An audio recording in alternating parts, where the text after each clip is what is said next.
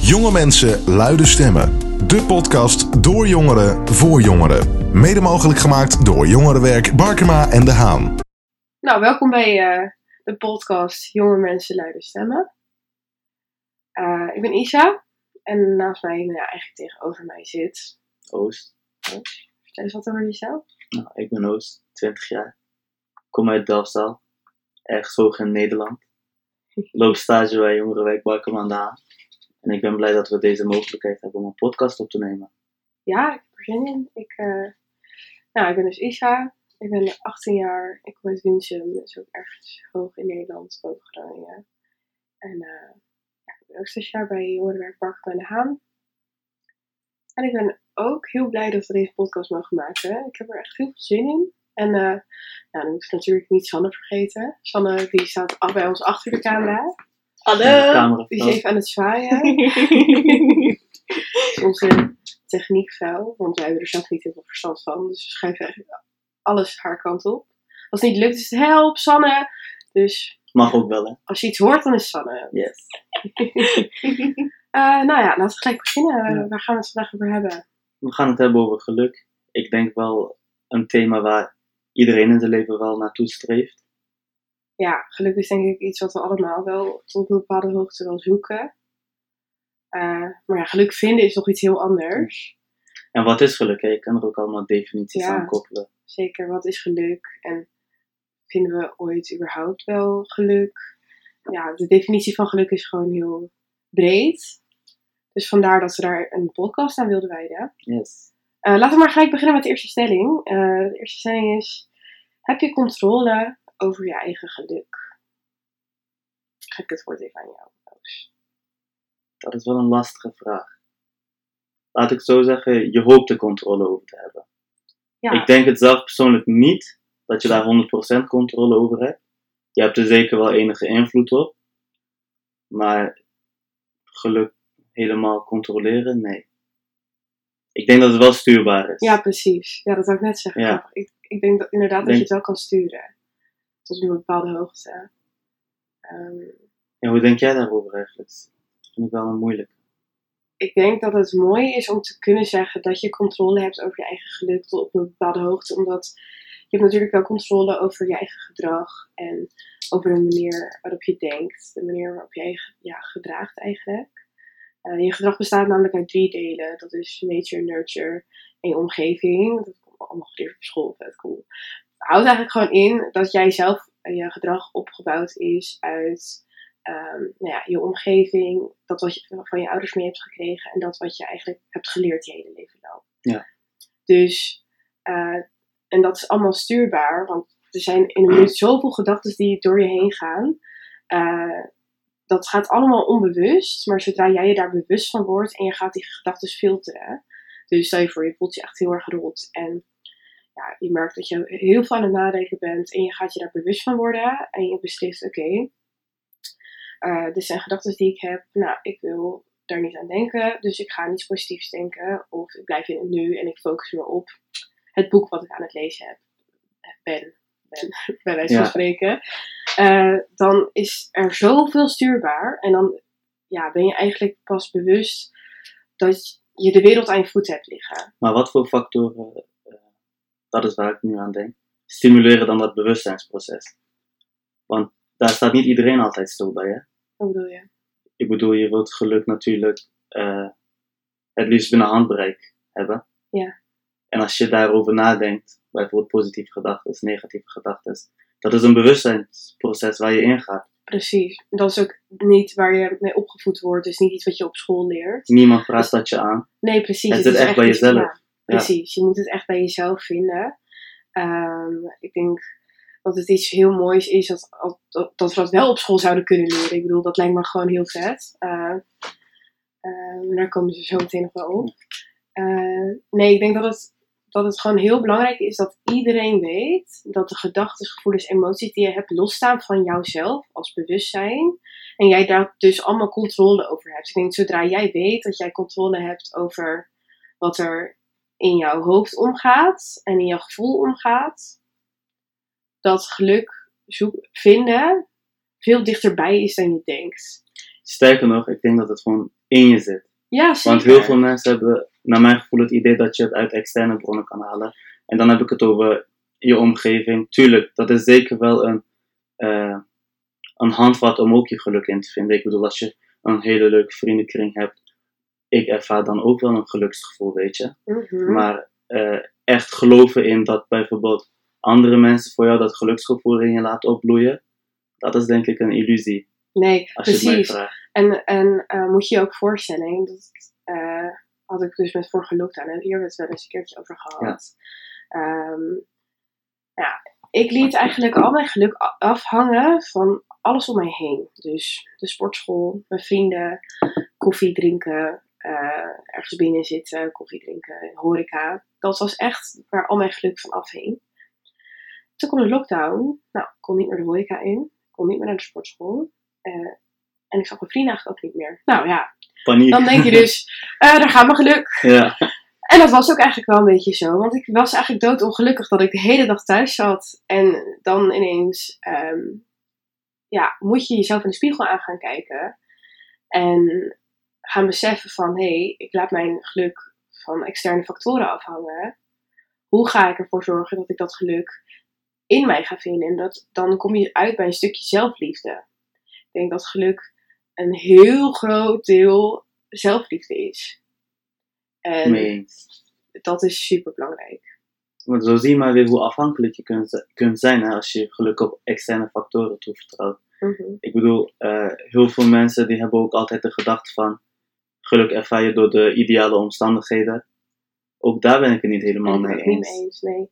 Je kunt ook geluk vinden als je ontslagen bent. Je kunt ook geluk vinden als je eventjes in de put zit. En natuurlijk, het is vervelend als je zulke soort omstandigheden Ja, hebt. tuurlijk. Maar dat moet je niet tegenhouden van het niet ervaren van geluk. Precies. En dat is dat stukje omgaan met tegenslag.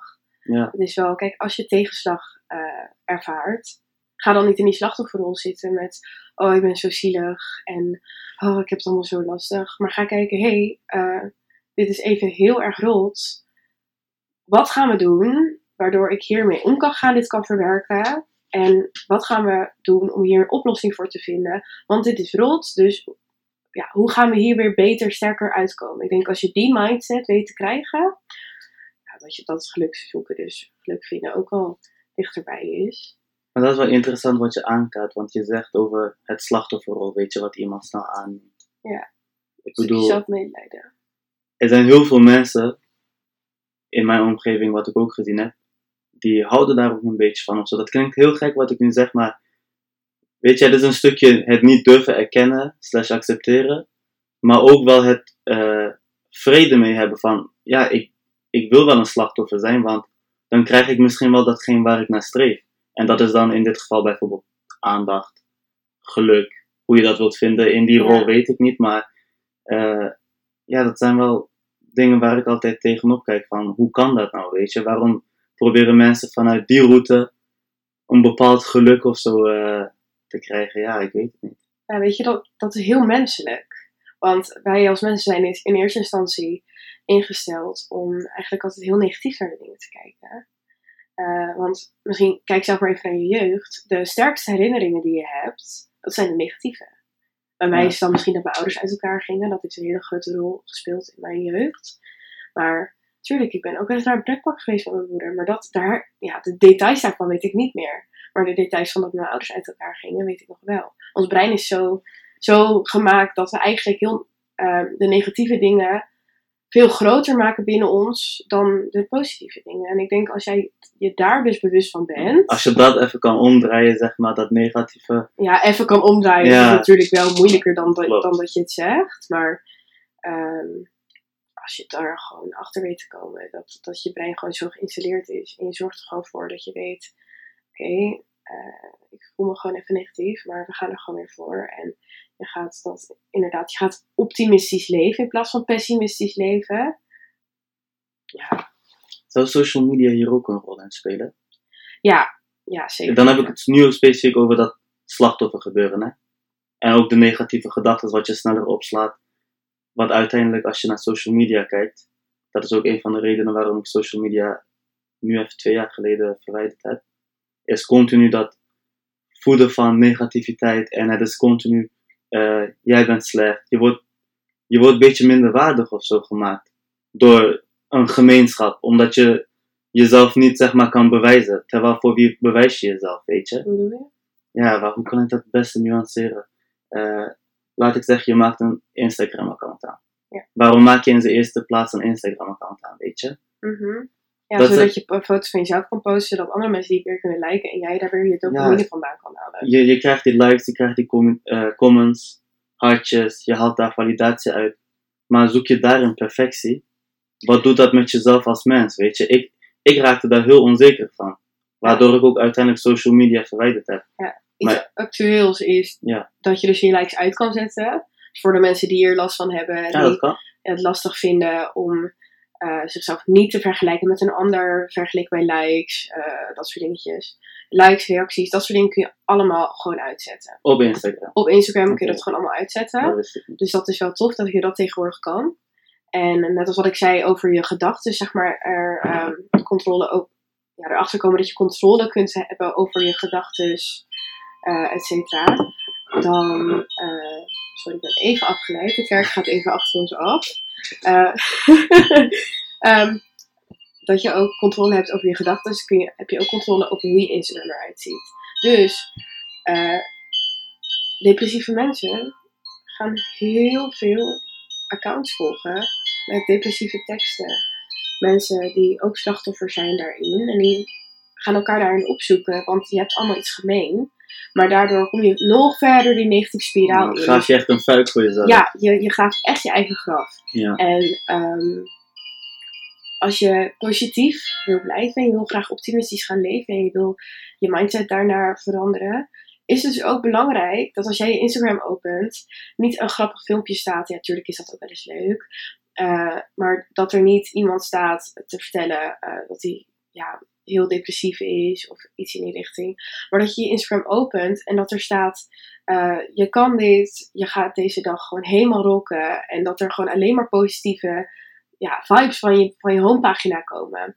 Want dat maakt dat als jij even een slechte dag hebt eh, en je je Instagram opent, je daar wel even een oppepper van krijgt. Zo kan social media ook werken. Er wordt heel veel gepraat over dat social media ehm, ja, een slechte invloed heeft. Dat is ook zo. Maar zodra je weet dat je daar controle over hebt, he- kan het ook een hele positieve invloed hebben. Tuurlijk, dat is zeker waar. Maar ik denk toch wel als je een balansverhouding maakt, dat het negatieve invloed wel veel zwaarder weegt dan het positieve. Ik bedoel, Ja. eh, ik zag een eh, onderzoek uit 2015, was dat volgens mij, eh, over jongeren. Hoeveel ze bijvoorbeeld social media gebruikten op een dag. Dat was gemiddeld in 2015 eh 5 uur en 40 minuten uit mijn hoofd. En de helft was dan communiceren. En de andere helft was dan gewoon een beetje YouTube, Netflix. Weet je, ik bedoel, eh, heel leuk en aardig, maar ook voor het geluksgevoel, ook voor het positieve mindset creëren, dat belemmert zo erg, weet je, dat gaat niet samen. Ja, en dat is waarom ik net zei over, eh, nou ja, toen ik begon over school.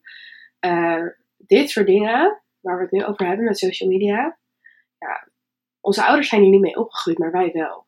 En onze ouders hebben er dus geen les over gehad, want het was er niet. Maar kinderen tegenwoordig krijgen er nog steeds niet genoeg les over. Ik denk dat het heel belangrijk is dat als school zijnde, eh, nou, en ook als ouders zijnde, nou, misschien ouders die dit luisteren of docenten die dit luisteren, dat kinderen tegenwoordig eh, en jongeren tegenwoordig les krijgen over hoe ze hiermee om moeten gaan. Ik denk als je weet hoe je met je social media om moet gaan en je weet hoe je dit kan inrichten zodat het gaat werken voor jou in plaats van jij voor je social media, dat eh, social media een kracht kan worden in plaats van eh, een belemmering. Ja. En ik denk als we daar veel meer les in krijgen en want het is niet, weet je, niemand gaat stoppen met social media gebruik. Want daar Nee, is het gaat zeker niet, het gaat voor. zeker niet terug. Nee. Precies, dus ja, dan moeten we maar gaan kijken naar een oplossing. Ehm, ja, hoe gaan we mensen leren hier wel goed mee om te gaan en hier minder onzeker van te worden? Want meisjes van 14 die hier, hier niks over horen en maar hun eigen weg hier moeten vinden, zien een foto van Kylie Jenner, die echt nou, zo'n prachtig mooi lichaam heeft natuurlijk. Maar dat is helemaal niet realistisch. Want als ik dan naar het strand ga in Garnwerd in de zomer en ik zie alle meisjes van mijn leeftijd, die zien er ook niet uit als Kylie Jenner. Dus weet je, Maar dat legt eigenlijk wel heel eigenlijk bloot hoe eh, je in twee verschillende werelden leeft. Hè? Precies, precies. Dat is best wel eng, als je het mij vraagt. Ik bedoel, kijk, docenten eh, op dit gebied, die weten ook niet beter, denk ik. Want heb je ooit gehoord van de term eh, Generation Z of zo? Of Generatie Generation Z? Z, Z, Zie- ja, klopt. In het ja, Engels is niet prachtig, ja. maar Millennials. dat is volgens mij sinds 1996 dat zeg maar dat hele social media gebeuren en zo is opgestart, weet je. Ja. En eh, al die mensen van die tijd, zeg maar, tot nu, die geboren zijn, die hebben al in de middelbare school gewoon een telefoontje in de hand, social media, weet je. Niemand die ze daar natuurlijk op aanstuurt. Dus ben ik hier pessimistisch over van we gaan bergafwaarts als eh, de jeugd, als jeugd zijnde in het collectief. Als in eh, per generatie worden we, gaan we alleen maar eh, meer de berg af. Ja, dat bedoel ik. Want ik krijg het gevoel bij social media bijvoorbeeld dat het ook gewoon je eh, kracht van zelfpotentie af, gewoon afneemt, weet je. Ja, Er zijn zoveel creatieve dingen in deze wereld wat je kan uitvogelen. En als je dan naar social media kijkt, bijvoorbeeld eh, filmpjes van 30 seconden, weet je, waar heel veel dingen gebeurt, maar de Mhm. inhoud slaat totaal nergens op. Het is heel verslavend. Ook. Als een kind van 14 dat twee, drie uur lang op een dag bekijkt, die gaat niet eh, daaruit leuke doelen stellen voor het leven, bij wijze van, Nee. snap je? Nee, maar ik weet niet of ik het daar helemaal mee eens ben. Ik denk, eh, op die leeftijd deed ik dat ook. Ja. En hoe ouder je wordt, hoe meer je bedenkt dat er ook nog een eh, wereld buiten de telefoon om is. Dus ik denk dat dat ook een beetje met leeftijd gepaard gaat. Ehm, en daarbij komt heel veel banen tegenwoordig hebben te maken met internet en social media en marketing. En, ehm, dus daarin denk ik dat het ook wel een kracht zou kunnen zijn van onze generatie. Maar ja, het is maar net welke doelgroep je, je aankaart. Het is ook een tijdfase, denk ik. Ja, het is heel erg. eh, ja, toen ik 14 was, was ik ook de hele dag aan het WhatsAppen. Ook als ik ruzie had met een vriendinnetje op school, dan ging dat ook via de app. is natuurlijk helemaal niet handig, maar dat ging wel zo. Ja, Dus ja, ja dat, dat gaat ook een beetje met leeftijd, denk ik. Maar ja, wat doe je eraan? ja dat, is precies. wat, dat, dat is wat nu in mij opkomt, maar eh. Ik denk dat het eh, tijd is voor de volgende stelling. kom. Ehm, ik heb een, eh, een berichtje gekregen van een vriend van mij. Die zei, misschien is dit leuk voor je in, pod- in jullie podcast. Zijn mening luidde als volgt. Geluk bepaal je altijd zelf. Niemand anders is daar verantwoordelijk voor. Ben je daarmee eens, Roos? de geluk bepaal je altijd zelf, niemand is daar verantwoordelijk voor. Ik probeer ermee eens te zijn, maar volgens mij is dat niet de realiteit. Althans voor mij dan. Dan kom, dan kom ik weer terug op dat stukje controle, weet je. Mhm. Bijvoorbeeld, eh, stel je wilt een topsporter worden. Je streeft daar natuurlijk naar, wilskracht. Je geeft alles wat je kan geven. Maar stel er komt een ziekte op je pad of zo. Ja. Dat, weet je, eh, bepaal je dat dan ook? Nee. Ja, ik denk dat dit inderdaad wel heel erg gepaard gaat met omgaan met tegenslag. Ja. Ja, Dus ik ben niet helemaal eens met die eh, stelling. stelling. Nee. Nee, ik, eh, ik heb er ook even over nagedacht toen je net aan het eh, kletsen was. Ehm, ik denk ook niet dat ik er helemaal mee eens ben. Ik ben het wel mee eens dat je over heel veel dingen controle hebt, zoals ik net al zei, inderdaad. Maar ehm, ja, echt controle over hoe gelukkig je bent, denk ik dat je dat nooit gaat hebben. Want het is ehm, niet maakbaar. Nee, en dat is pre- precies. Het is, geluk is niet maakbaar. En ik denk dat je wel dicht bij, dicht bij het geluk vinden kan zijn. Maar ik denk dat je als mens nooit ultieme geluk gaat vinden als jij een stukje nu niet accepteert. Ik denk dat als jij, als jij constant accepteert dat waar je nu bent ook goed is en ook oké is. ehm, en dat is wel heel erg iets van onze generatie. Is dat we moeten zoveel van onszelf. We zijn de hele dag aan het rennen, want we moeten succesvol zijn. En dat is heel erg in deze maatschappij zo. Is Het perfectionistische het perfectionistische. En iedereen wil zijn eigen bedrijf. En niemand wil meer voor een baas werken. ja. En iedereen moet helemaal geweldig zijn. En dat is ook een stukje social media. Is, en iedereen moet ook zien dat ik het helemaal goed doe. Maar de andere kant is ook dat je soms gewoon een keertje heel hard mag janken als het allemaal niet lukt. En dat wordt op social media dus niet gezien. Je mag niet meer vallen tegenwoordig. Daar, Nee. daar komt het een beetje Ja, ja precies. Het, het, het lijkt alsof je niet meer mag vallen tegenwoordig. Terwijl in de realiteit is dat helemaal niet zo. Je mag, natuurlijk mag je vallen maar weer opstaat. Ehm, maar eventjes, nu zijn we weer helemaal verder. Eventjes terugkomend op die stelling. Ik ben het daar dus ook zelf helemaal, niet helemaal mee eens. Wel een beetje, want natuurlijk, je, je hebt heel veel controle Je over hebt zeker dingen. invloed, tuurlijk. Maar ja, of je nou compleet echt verantwoordelijk bent voor je eigen geluk. Ehm, Nee. ik, nee, ik denk, ik denk dat je zelf nooit kan bepalen hoe gelukkig je bent. Omdat ja, geluk is, net als wat we net zeiden in het begin, een heel breed concept. Dus wanneer ben je nou echt gelukkig? En dat. En ja, in welke factoren kan je dat het beste vinden? Of zoeken bedoel ik dan, hè? Bijvoorbeeld, ik kan ook heel veel geluk vinden uit eh, zelfontwikkeling.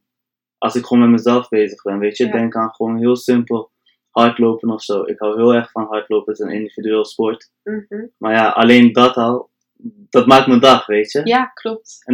Kost me maar een half uurtje. Ja, ja, kijk, dat is dus echt iets super tofs. Dus ook eh, leren je eigen beste vriend te zijn. Ik denk dat dat echt een super, super belangrijk Ik kan is. heel goed in mijn eentje zitten. En ook, ja, en ook om weer terug te komen dan op zelfliefde. Ik ben echt mijn eigen beste vriend. Echt waar. Ik kan op een, op een terrasje gaan zitten, een koffietje bestellen. Er zijn heel veel mensen die mij voor, gek eh, verklaren daarvoor. Maar zet mij op het terras, na, na, naar de gym of zo. Eh, favoriete koffietentje, Doppio in de stad. Het is echt mwah, lekkere koffie. Ik ga daar zitten, ik pak mijn boek erbij, ik pak mijn schriftje erbij. Ik ga wat schrijven, ik ga wat lezen. Ik maak een eh klespraatje met die oude man die naast me zit, die aan het wachten is op zijn vrouw. Of ik kijk naar mensen die over straat lopen. En ik zit daar gewoon in mijn eentje. En zo ontzettend voldaan. Echt een super voldaan gevoel. En dat is, dat in zulke momentjes, daar zit voor mij wel een stukje geluk. En dat ik dat allemaal helemaal in mijn eentje kan doen. En ik daar helemaal niks voor nodig heb. Maar als voor de buitenwereld kom je wel heel introvert over. Ja, klopt. Terwijl ik ben een vet extravert mens. Ik ben echt super extravert. Ik spreek echt iedereen aan. Dat boeit me echt helemaal niet. Ik, ik, ja, ik loop echt zo naar iedereen toe. En sta voor hele mensen iets te vertellen. Dat maakt me echt niet uit. Maar ja, als je daar gewoon je eigen beste vriend kan zijn. En je kan daar ook je geluk vandaan halen. Oh, ja, helemaal enthousiast word ik ervan. Dat, dat zie je ook echt als een eh, stukje zelfontwikkeling. Om dat zo'n soort eh, momenten gewoon mee te maken. heel erg, heel erg. En ook juist na die tweede lockdown eh, heb ik heel erg gemerkt dat toen ben ik heel veel gaan wandelen met mezelf in de stad. Eh, want ik dacht, oh, ik wil graag wel een beetje de mensen opzoeken, want dat is wel mijn extraverte ik. Ik vind het wel heel fijn om, om mensen om me heen te hebben, al ken ik ze niet. Als er maar gewoon wat beweging is, weet je wel. En om gewoon lekker te wandelen en even een podcastje te luisteren. Dus als je nu aan het wandelen bent en je bent dit aan het luisteren, nou, eh, wandel ze. Eh, maar om gewoon lekker te wandelen, podcastje te luisteren. Nou ja, en gewoon lekker alleen te zijn met mezelf, mijn gedachten. En daar helemaal tevreden mee te zijn. Dat is voor mij al een stukje ultiem geluk. Dat is voor mij echt, daar word ik echt gelukkig van. Als dat ook nog eens op school gestimuleerd kon worden, hè, dan, dan was het helemaal eh, top geweest. Weet je? Want ik weet bijvoorbeeld van jou dat jij daar best uitgesproken over bent. Dat school, bijvoorbeeld het hele schoolsysteem, best wel een schop onder de kont eh, Nodig heeft. ja, nodig Ja. heeft. Want ja, weet je, ik ervaar dat zelf ook persoonlijk op school. Niks tegen school trouwens. Maar eh, als ik op school ben, ja, dat creatieve energie wat in je zit, weet je, dat, dat zit te kolken, dat wil gewoon, Ja, wat wil je? dat wil gewoon losbarsten, weet je. Maar op school wordt dat vastgehouden. En ik vind het jammer dat daar niet te veel aandacht aan wordt besteed. Want het is continu gewoon, je moet deze vak volgen, je moet deze cijfers halen en that's it. Ja. Terwijl er wordt nooit één op één even toch aandacht besteed van wat wil je nou echt. ja, no offense, maar voor mijn gevoel is school meer een wedstrijdje van wie er het beste kan leren, wie er het beste dingen in hun hoofd kunt stampen. Eh, dat, is, dat is mijn mening hoe ik school heb ervaren, want eh, ik heb wiskunde gevolgd drie jaar lang. Als je mij nu de stelling van Pythagoras geeft, sorry, nee. Onvoldoende. ja, maar daarin heb ik wel zoiets van, ook daarin is heel veel, eh, ja, laten we zeggen, uitdaging. Want school is er nou eenmaal en we moeten nou eenmaal heen. Dus moeten we gaan kijken naar de positieve dingen aan school. Eh, dus voor een jongere die dit luistert en die nu op school zit en zich heel erg kan vinden in oh, school is vervelend en het kost me veel energie en ik kan mijn creativiteit niet kwijt. Ga kijken naar hoe kan jij je week zo indelen dat er eh, ja, eh, hobby's van je zijn waarin je wel je creativiteit kwijt, kwijt kunt. En je vrienden op school hebt waarbij je wel eh, super hard kan lachen. Want dat is iets, dat ga ik ook echt even vertellen op de middelbare school. Ik heb bijna nooit meer de slappe lach, omdat ik gewoon ouder word. En ja, maar op de middelbare school, ja, dan ben je nog lekker jong. Je bent lekker aan het puberen, aan het geiten over alles en nog wat. Dan kon ik gewoon helemaal stuk liggen om het woord pudding, weet je wel. Ja. Dat was echt, daar heb ik echt, dat was echt super leuk. Kijk, als je je op dat soort momenten gaat focussen en je gaat in je vrije tijd ervoor zorgen dat je een hobby hebt waar je je energie in kwijt kan en waar je gelukkig van wordt en je bouwt dat om, eh, om school heen, dan wordt school veel draaglijker. En eh, ja, dat is gewoon, eh, dat, is, dat is heel belangrijk voor mensen die naar school gaan. Dat is echt heel belangrijk, want we leven nou eenmaal in een maatschappij waarin het moet. Dus dan kun je een beter stukje acceptatie inbouwen voor jezelf. Het is heel mooi uitgesproken, alleen toch in de praktijk zie je dat dat heel lastig is, weet je. Ja, Want je hebt continu dat eh, prestatiedrang, wat op je schouders rust. Iedereen verwacht resultaat. En als het een keer misgaat, net als op werk bijvoorbeeld. Stel je eh, hebt je werk niet op orde. En de baas die komt eh, je kantoor binnenlopen. Die begint direct te mopperen over, ja, waarom heb je werk niet op tijd aangeleverd en eh, als het zo doorgaat, ja, weet je, dan eh, volgen de consequenties. Terwijl dat is eigenlijk zijn gebrek aan empathie, want eigenlijk zou zo'n baas moeten zeggen van, weet je, ik zie dat je je werk niet op tijd hebt aangeleverd, gaat het wel goed met je? ja maar Ben je oké? ja, ik ben het daar denk ik niet helemaal mee eens. Ik denk niet dat dat echt een volledige realiteit is. Ik denk dat dat een, een worst case scenario is. Oké. Ik denk als het. Wat ik heel erg heb gemerkt, ik heb natuurlijk nu een aantal baantjes, een aantal stages gehad. Eh, ga iets vinden wat, waar jij je echt gezien en gehoord voelt, waar jij op je plek voelt. Want dan ga je ook een baas krijgen die zegt: Hé, hey, wat is er aan de hand? Je hebt je werk niet af. Ehm, maar als jij vanuit jezelf communicatief sterk genoeg bent en je gaat zelf gewoon naar je baas en je zegt van hé, hey, ehm, mijn oma is overleden of iemand ligt in het ziekenhuis en daardoor heb ik het gewoon eventjes niet de ruimte om het af te krijgen. Dan bouw je voor jezelf vast dat draagvlak, eh, waardoor mensen ook minder, eh, ja, minder rot doen. Dus dat, is op school net zo. Als jij gewoon naar je mentor toe loopt, ook al mag je je mentor totaal niet, of naar je coach, of je mag diegene totaal niet, je hebt totaal geen band. En je zegt van, hé, hey, dit en dit is er aan de hand met mezelf. Ik zit eventjes in de knoop. Ehm, maar ik heb volgende week een paar toetsen en daar stress ik me even over. Is het, kunnen we zoeken naar een oplossing? Dan, dan is er al heel veel wat je kan doen. ik snap waar je vandaan komt. En natuurlijk is dat heel vanzelfsprekend om eh zulke soort dingen aan te geven. Alleen vergis je ook niet in het feit dat er heel veel mensen zijn die niet dat communicatieve in zich hebben, weet je. Ja, klopt. Dus zich daar ook niet over durven uit te spreken. Klopt. Dat maar dat is ook, ook vet lastig. Ik heb me altijd op school heel onveilig gevoeld, omdat ik eigenlijk geen enkele mentor, docent, ja, of vriend of vriendin, ik had dan misschien één vriendinnetje, eh, was die, waar ik echt een band mee had, weet je wel, waarvan ik me echt gezien en gehoord voelde. En ik weet dat er heel veel jongeren zijn die zich ook totaal niet gezien of gehoord voelen op school.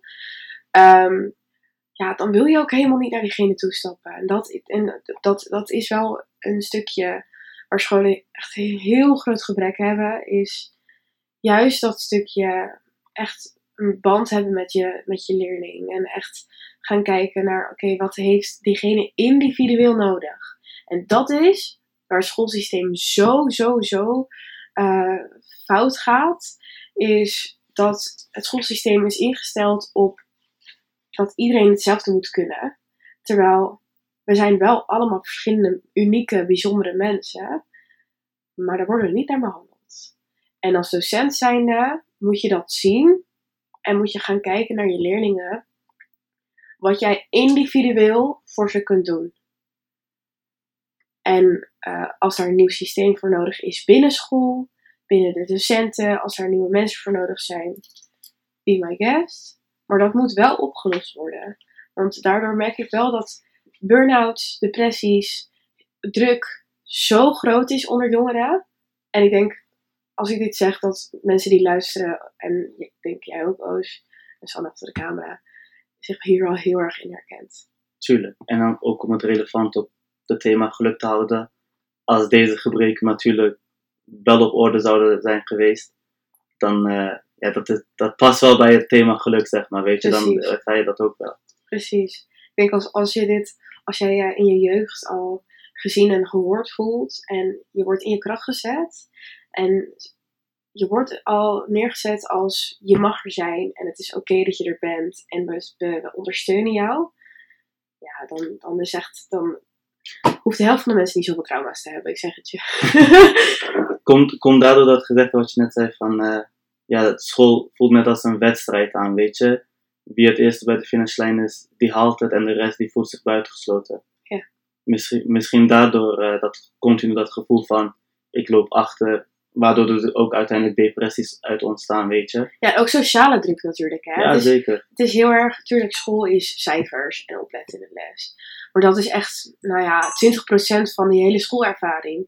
Want wat nou als je net even een buitenbeentje bent? En wat nou als je er even net niet lekker tussen past? Dan word je gewoon afgemaakt. Ja, kinderen zijn, kinderen en jongeren, die zijn gewoon zo hard soms. Dan word je echt, ja, dat is, dan is het gewoon, dan ga je soms gewoon met buikpijn naar school.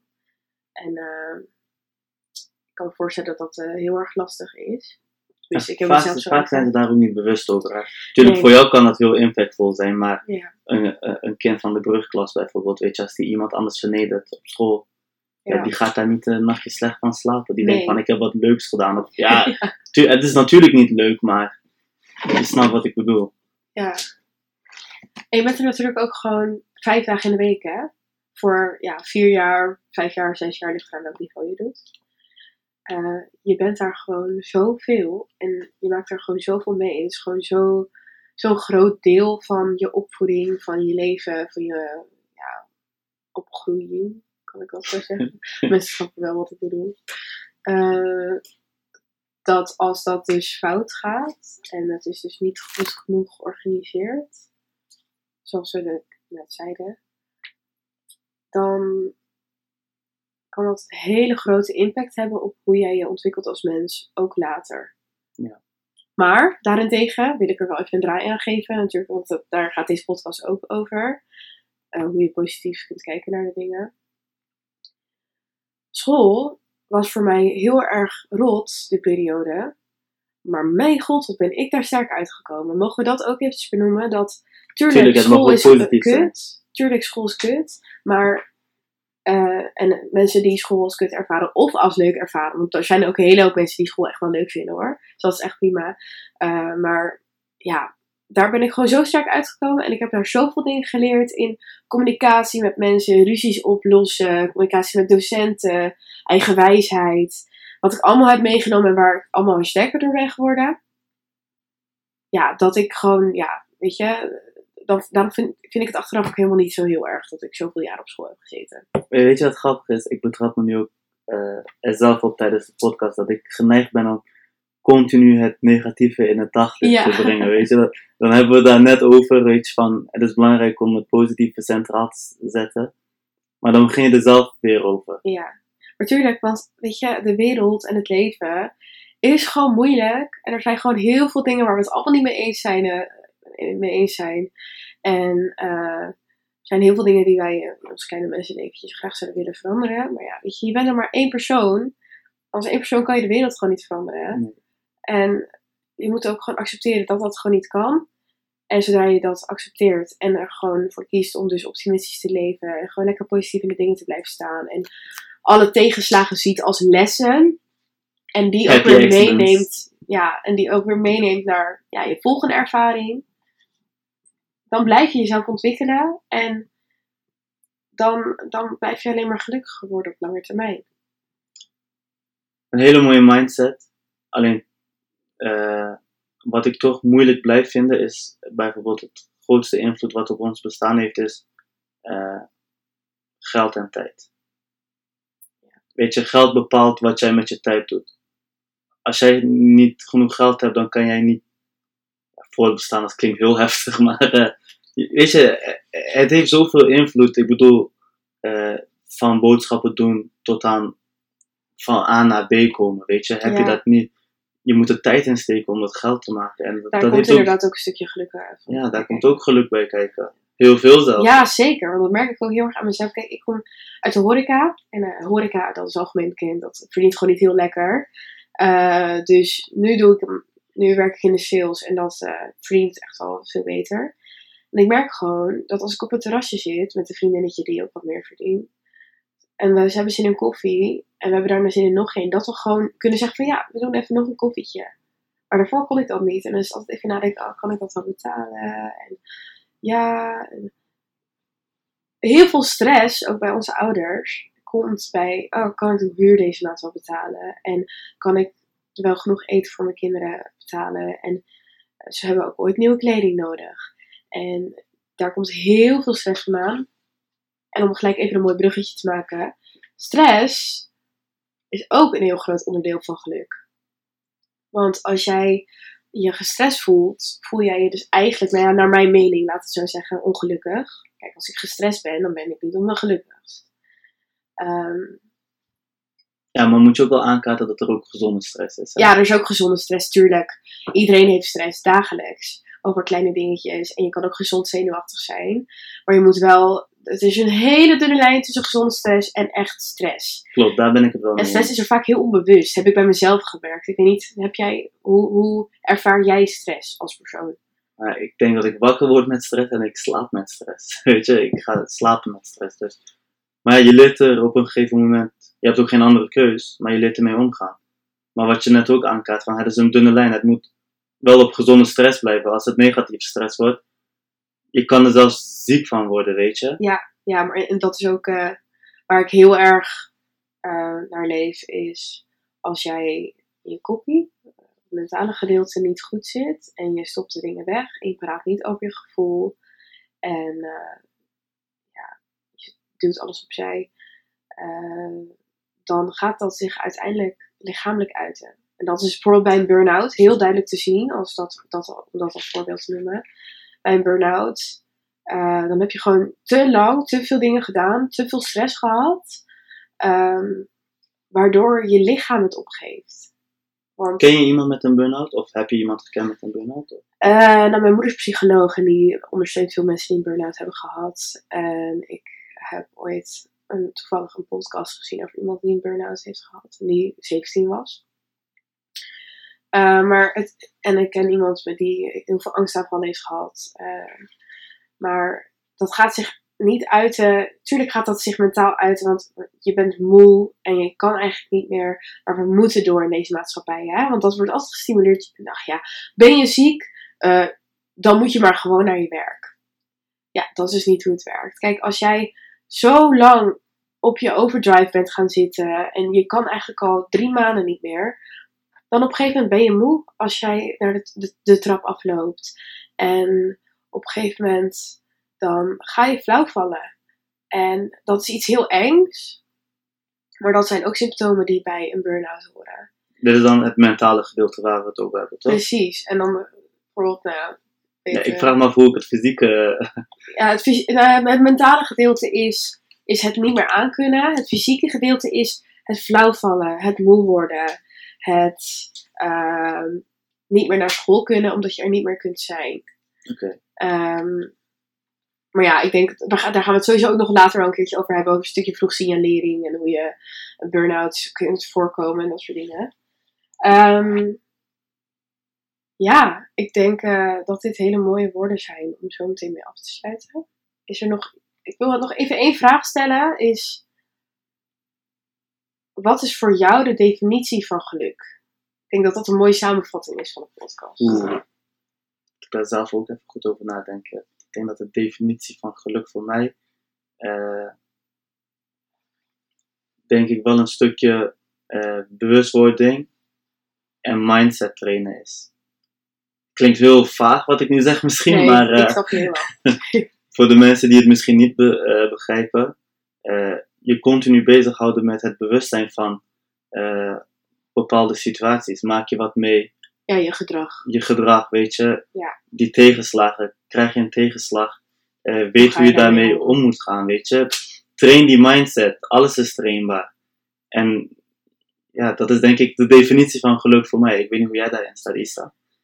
Ja, ik ben het daar echt wel volledig mee eens. ik denk, voor mij is geluk heel erg inderdaad eh, hoe je tegen de dingen aankijkt. Want dat is het enige waar jij controle over hebt, is hoe jij met de dingen omgaat. En het is ook belangrijk als afsluiter, denk ik, om te vermelden dat eh, het niet erg is om ook niet gelukkig te Ja, zijn, weet je. Je mag ook ongelukkig Ja, zijn en dat mag, dat mag er allemaal zijn. Sterker nog, ik denk dat je ook het ongeluk wel, het ongelukkig zijn mag voelen om meer van het geluk te genieten als je dat bereikt, snap je? Precies. Hetzelfde met, daar hadden wij het ook voor de podcast over van, je hebt drie weken slecht weer en de zon die schijnt één dag. Nou ja, ik geniet volledig van die zon, Ja, terwijl als elke dag de zon schijnt, dan, Ja. Dan, ja, dan wordt het normaal. precies. Maar eh, ik wil nog eventjes één dingetje zeggen. Ehm, als jij je wel ongelukkig voelt en je merkt dat je eigenlijk niet meer kan of je weet niet zo goed hoe je gelukkig moet, moet zijn. eh, ik denk dat we dat onszelf allemaal wel een keertje hebben afgevraagd. Is ga erover praten. Just talk about it. Ja, gewoon echt alleen al praten, dat is echt alleen nog gewoon de helft. Want door te praten verwerk je. Als jij een tegenslag hebt gehad, door te praten verwerk je. En door je beste vriend te worden verwerk je. En de een heeft daar wat meer tijd voor zichzelf nodig. De ander die zoekt graag zijn vrienden op en zoekt een afleiding. Maar praat erover, want dat is zo, zo belangrijk. En als je niemand hebt om je heen waar je mee over kan praten. Daar komt misschien social media van pas. ja, Gewoon op internet. eh. Zeker op een professional. Ja. Weet je, we, bedoel, kom op, we wonen in Nederland. Er zijn genoeg mensen die ook op professioneel gebied daarover met je willen praten. Er is altijd iemand waar jij je ei bij kwijt kunt. Ook al denk je van niet. Het is ook misschien een stukje schaamte, denk ik. Ik bedoel, als je fysiek ergens last van, last van hebt, eh, ben je veel makkelijker in het gaan naar een fysiotherapeut, als bijvoorbeeld, Ja, weet je. ja. Maar praat je over een psycholoog.